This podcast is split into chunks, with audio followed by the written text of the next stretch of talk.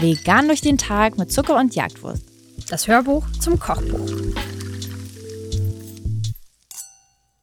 Wir kommen jetzt zu einem absoluten Klassiker vom Blog, würde ich sagen.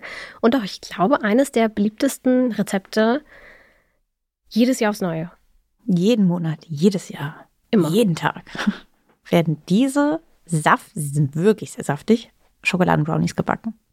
Ja, ich glaube, der Trick ist bei diesen Brownies, dass wir dreifach Schokolade da drin haben. Ähm, und zwar haben wir Backkakao in dem Teig der Brownies. Damit meinen wir nicht Trinkschokolade, sondern wirklich den Backkakao, den ihr in der Backabteilung findet. Wir haben geschmolzene Zartbitterschokolade drin. Und wir, am Ende geben wir auch noch Schokoladenchips oben drauf. Also es ist wirklich dreifache Ladung Schokolade und dadurch ähm, sind die wirklich sehr intensiv. Und wir haben auch ein bisschen Apfelmus dazugegeben, damit die schön saftig werden. Öl, pflanzliche Milch.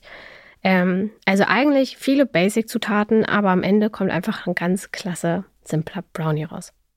Ich mochte das auch immer gern, weil man gar nicht erst versucht, das, nur weil es vegan ist, irgendwie in der Form noch gesünder zu machen oder irgendeine. Also ne, es gibt die ja auch Mm. zum Beispiel, was jetzt auch nicht verkehrt schmeckt, aber es gibt sowas ja auch mit Avocado tatsächlich im Teig, damit das saftig ist. Also es gibt ja so dann auf einmal bei Brownies so ganz verrückte Sachen. Mhm. Und ich mochte das immer an denen, dass das ein super, in Anführungszeichen, unveganes Rezept ist sozusagen. Also die Zutaten sind keine schwierigen Zutaten, die man sonst nie verwenden würde. Ähm, also ihr geht einmal in jeden Supermarkt auf jedem Dorf und ihr werdet das alles bekommen. Im wahrscheinlichsten Fall habt ihr sogar fast alles davon schon zu Hause. Und ich glaube, deswegen sind die auch so beliebt. Ja, das glaube ich auch. Und man kann dieses Rezept wirklich sehr gut als Ausgangsrezept nehmen, wenn man eine ganz verrückte Idee hat. Ähm, ihr könnt diese Brownies zum Beispiel mit Nüssen toppen. Ihr könnt da natürlich auch irgendwelche Früchte oben drauf geben. Ich habe die auch schon mal gebacken mit ähm, Rhabarber oben drauf und das war auch richtig geil. Mit so einem süß-sauren Topping Mhm. noch oben. Ich habe schon mal karamellisierte Nüsse reingegeben. Aha, Also ihr könnt da auch eigentlich alles oben drauf werfen, um ehrlich zu sein, oder in den Teig geben. Das ist wirklich hier nur die absolute Basic-Variante. Und wenn ihr ganz verrückt sein wollt, dann könnt ihr danach, ähm, also nach dem Brownie-Teig, könnt ihr auch noch einen Keksteig oben drauf machen. Dann habt ihr Brookies. Das Rezept findet ihr auch auf dem Blog. Aber ihr habt in diesem Kochbuch unser Rezept für vegane Brownies und unser Rezept für vegane Chocolate Chip Cookies. Und wenn ihr beide Rezepte kombiniert, dann kommen da Brookies bei raus. Wir hätten damit ähm, Seiten sparen können, fällt mir gerade auf. Aber- hätten wir einfach nur die Brookies reingenommen, dann hätten wir schön Papier gespart. Naja, Aber willst du das ganz kurz nochmal erklären für Leute, die da jetzt dran interessiert sind, aber nicht so ganz verstehen, wie es funktioniert? also Brookies ist, glaube ich, eine amerikanische Erfindung. Ich habe es zuallererst mal in einem ähm, Freizeitpark in Amerika gesehen. Und ich glaube, mit dieser Idee kam ich dann zurück. Mhm.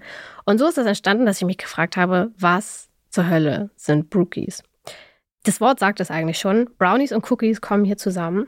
Und zwar bereitet man einen Brownies-Teig vor und man bereitet einen Cookie-Teig vor. Und in eure Form streicht ihr dann unten den Brownie-Teig und gebt dann obendrauf in Flocken den Keksteig. Schon so, dass er gut verteilt ja, ist, ne? genau. Und das backt ihr dann gemeinsam im Ofen und dann bekommt ihr einen Brownie und einen Keks, aber eben zusammen heraus, aka ein Brookie. Klingt ein bisschen massiv, muss ich sagen, jetzt wo aber ich es drüber ist rede. so lecker. Ich Ja, weiß, es klingt doll, aber es war so lecker. Ja, es funktioniert dann irgendwie doch zusammen. Obwohl es schon absurd ist, dass man Brownie und ein Keks gleichzeitig isst. Aber ja. Spart man ja auch Zeit. ja, wenn ihr euch nicht entscheiden könnt zwischen diesen Rezepten, dann kombiniert ihr sie einfach.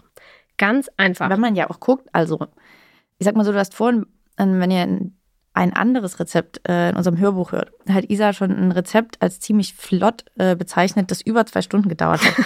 ähm, die Brownies tatsächlich sind in unter einer Stunde fertig. Richtig, und ihr braucht ja auch wirklich nur 20 Minuten, um alles zusammenzukippen. Und während der 30 Minuten Backzeit hängt ihr einfach irgendwo auf dem Sofa rum. Also die gehen ja wirklich zackig. Und wenn ihr Brownie und Cookie kombiniert, dann habt ihr auch nur noch eine Backzeit statt zwei. Es ist ja wirklich, es macht total Sinn, das zu kombinieren. Ähm, müsst ihr aber natürlich nicht. Ihr könnt auch auf eure Brownies einfach eine äh, Vanilleeiskugel geben oder die als, weiß ich nicht, äh, sonstigen Snack. Für, ihr könnt auch die ganz, ganz klein schneiden und aufspießen mit Früchten, dann habt ihr kleine Brownie-Spieße. Ihr könnt damit wirklich ganz viel machen. Ihr könnt uns ja mal schreiben, auf welche Ideen ihr noch gekommen seid. Richtig. Und wenn ihr die Brookies ähm, macht, sind wir auch ganz stolz auf euch. Dann habt ihr ähm, Backzeit gespart. Aber wie auch immer, pimpt sie ähm, oder lasst sie so, wie sie sind. Es sind auf jeden Fall unsere allerliebsten saftigen Schokoladenbrownies.